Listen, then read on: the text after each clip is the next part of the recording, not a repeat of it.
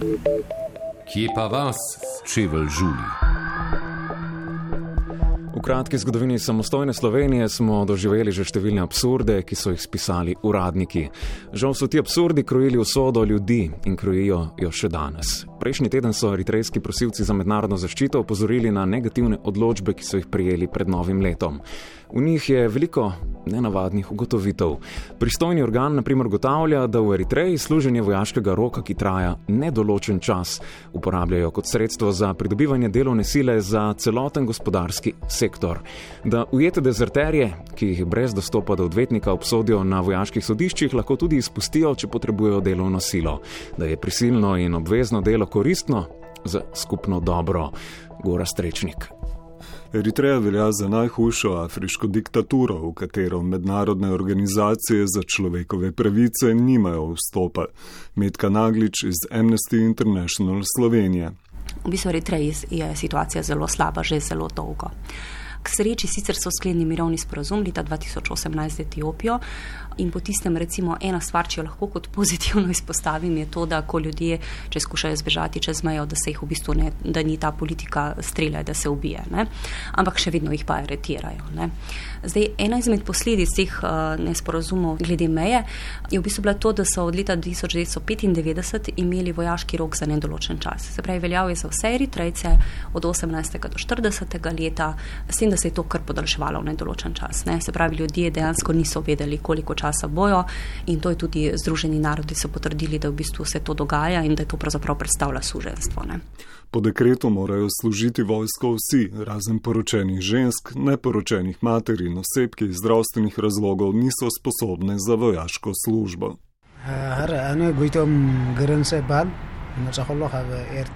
Guitom je star 41 let. V Slovenijo je prišel leta 2017 prek sistema relokacije iz Italije.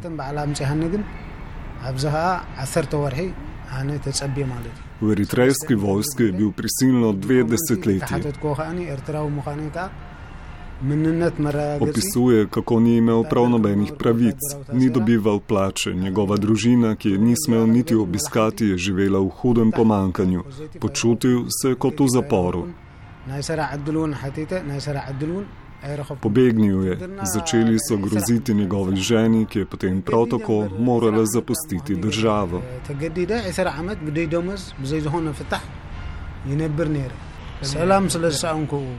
41-letni sogovornik meni, da so negativne odločbe, ki so jih pred novim letom prijeli nekateri prosilci za azil iz Eritreje, popolnoma nerazumne. Med temi, ki so jih dobili, je bil tudi ZRSNI. Ja, 21-letni eritrejec razlaga, kako so ga pri 17-ih upoklicali v vojsko. Pobegnil je, to da oblast je začela groziti njegovi mami, zato se je vrnil. They arrest her because of I run away from the soldier and I go back to them and they arrest me. Razmere v zaporu, kjer se je v enem prostoru v slabih higijenskih razmerah gnetlo več kot 100 ljudi, so bile nehumane. It was hard. You, you eat per day like once and you sleep 130 people in one room and it's like sickness is there. Everything is like it's hard to say. You know. Pobegnil je iz zapora, uspel je pobegniti tudi iz države. Če bi ga Slovenija zdaj vrnila, je pripričan, da bi ga kot dezerterja in ubežnika v najboljšem primeru ponovno čakala zaporna kazen. jail like seven, eight years because I already scared and I already put the gun down and I just run away. I don't give them the gun, everything. So if I go back, they will maybe they will arrest me. The good thing, if I am lucky, uh, they will arrest me like eight years, something like that. And if I'm not lucky, they can even kill me. No. V odločbi, na katerem je pečat slovenskega ministrstva za notranje zadeve, tudi piše, da so sankcije za dezerterje in ubežnike verjetno manj dramatične, kot navajajo opazovalci, in da splošno stanje v Eritreji in v zaporih, ki je sicer lahko nehumano in poniževalno, ni posledica namernega ravnanja države in prosilcu ni povzročeno namerno. Medka Naglič iz Amnesty International Slovenije. Mislim, jaz ne vem, kako naj komentiram to. Da, da raz, mislim, kot prvo, kako to v bistvu vejo. Torej, da razmere v zaporih niso uh, slabe namerno. Uh, recimo, če jaz povem, um, kaj je izporočila Komisija Združenih narodov v preiskavi v Eritreji in to govorimo v letu 2016, so govorili o grobih in sistematičnih kršitvah človekovih pravic, ne, v katerih govorimo celo o zločinih proti človeštvu, o posilstvih, o zunajsodnih usmrtitvah, o prisilnih izginotih, o mučenju in o obveznem tem obveznem služenju vojaškega roka. Ne. Mislim, to, da pravzaprav pristaneš v zaporu, ne, ne da bi se proti tebi sprožil kakšen postopek, ne da bi tvoji bližnji vedeli, kje si in ne da bi vedel, dokdaj boš v zaporu. Mislim, enostavno to je nespodobno trditi, da torej to pa ni slabo. Eritrejci lahko v negativnih odločbah, ki so jih prejeli, preberejo, da slovensko ministrstvo zapornih kazni v Eritreji zaradi dezerterstva iz vojske, ki torej traja nedoločen čas, ne morejo šteti za pretirane, saj naj bi se v praksi zmanjšale na od šest mesecev do dve leti. Mislim, če ne bi bilo tragično, bi bilo to smešno trditi. Ne? Mi še vedno govorimo o zaporu za, za nekaj, kar pač ni kaznivo dejanje. Ne? Ljudje so torej prisilno vključeni v vojaški rok ne? in država se ne drži, ne? oblasti se ne držijo zakonov. Ne? ne velja to, kar piše v zakonu, da bi bili samo za tisti omejen čas, ampak se to podaljšuje. Oni imajo resno skrb za svoje življenje, kako ga bojo preživeli in ali bojo pristali v bistvu v neki, v neki vojski za dove dokdaj. Ne? Kaj pomeni zaporna kazen v Eritreji, je izkusila tudi naslednja sogovornica. Njen mož je bil vojak.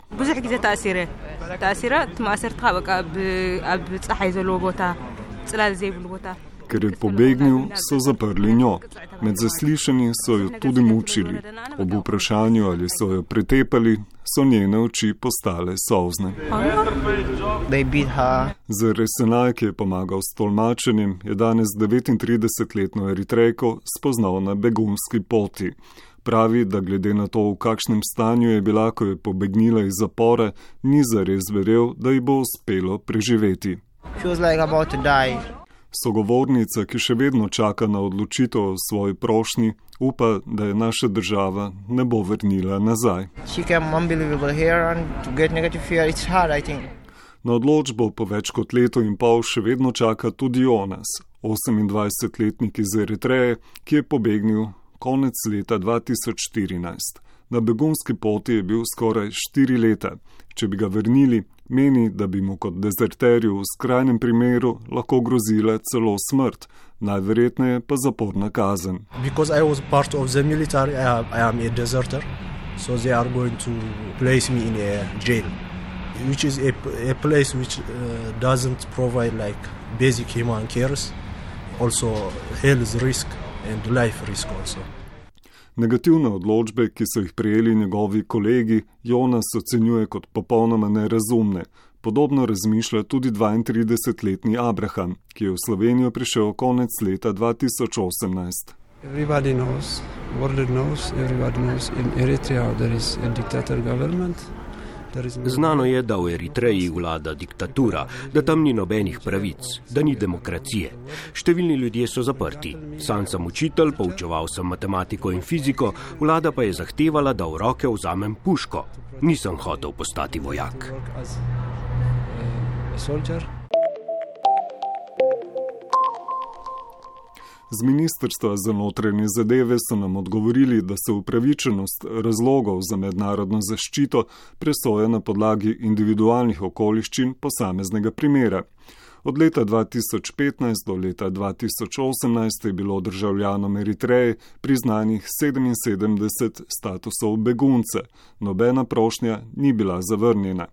Miha Blažič iz delovne skupine za azil je prepričan, da nenaden novoletni paket negativnih odločb ni na ključe. Namen ni preučiti, kakšni situaciji so ti ljudje in kakšne nevarnosti jim eh, v Eritreji preti, ampak jim poslati sporočilo. In to sporočilo je, da se v Sloveniji ne splača ustrajati, ne splača se vlagati azila. Povejte to še vašim prijateljem in pejte vsi v kakšno drugo državo. To ni nič novega, to smo že videli tudi v preteklosti, se je delalo neke take absurdne odločbe Afganistancem, ko se je država odločila, da je Afganistan varna država. In učinek je bil jasen, pač ljudje so odhajali, ljudje se niso odločali ustrajati v Sloveniji, ker vsi vemo, to traja zelo dolgo časa. Ne, tudi ti eritrejci zdaj so leto, leto pa pol čakali, da so dobili zdaj to odločitev, in zdaj tudi, če se pritožijo, jih čaka še najmanj eno leto, verjetno pa tudi več čakanja. Doktorica Jelka Zorn z fakultete za socialno delo. Tako se zdi, kot da je azil neka farsa. Ne? Tako da dejansko ne vem, kdo bi potem takem sploh lahko bil upravičen do te pravice.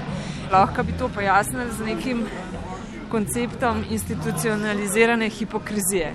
Torej, je nekaj, kar je na papirju, v mednarodnem pravu obstaja, tudi v naši zakonodaji obstaja, pa te pravice potem ni mogoče uresničiti. V bistvu gre za jasno sporočilo o zavračanju in odganjanju. Ne? In to je tudi sporočilo za prihodne ljudi, ki pridejo. Slovenija zila ni, ne? že na meji dobijo ljudje, ki so pushbackani od policije, to sporočilo. V Sloveniji azila ni. To je to sporočilo, ki je temi odločbami to dano za te posameznike, posameznice, ki so dobili to odločbo, pa to življenjska, življenjskega pomena. 40-letni Hapte ima danes urejen status v Sloveniji. Skoraj polovico svojega življenja je bil prisiljen preživeti v vojski. Iz Eritreje je pobegnil leta 2015. The journey was very, very terrible. I paid a lot of money. Plačal sem 6000 evrov, tihotapci so si me preprodajali med seboj. Včasih smo bili tudi po tri dni popolnoma brez hrane. Včasih so nam v celem dnevu dali majhen košček kruha in en kozarec vode. Nismo se mogli umiti, bilo je veliko kožnih bolezni.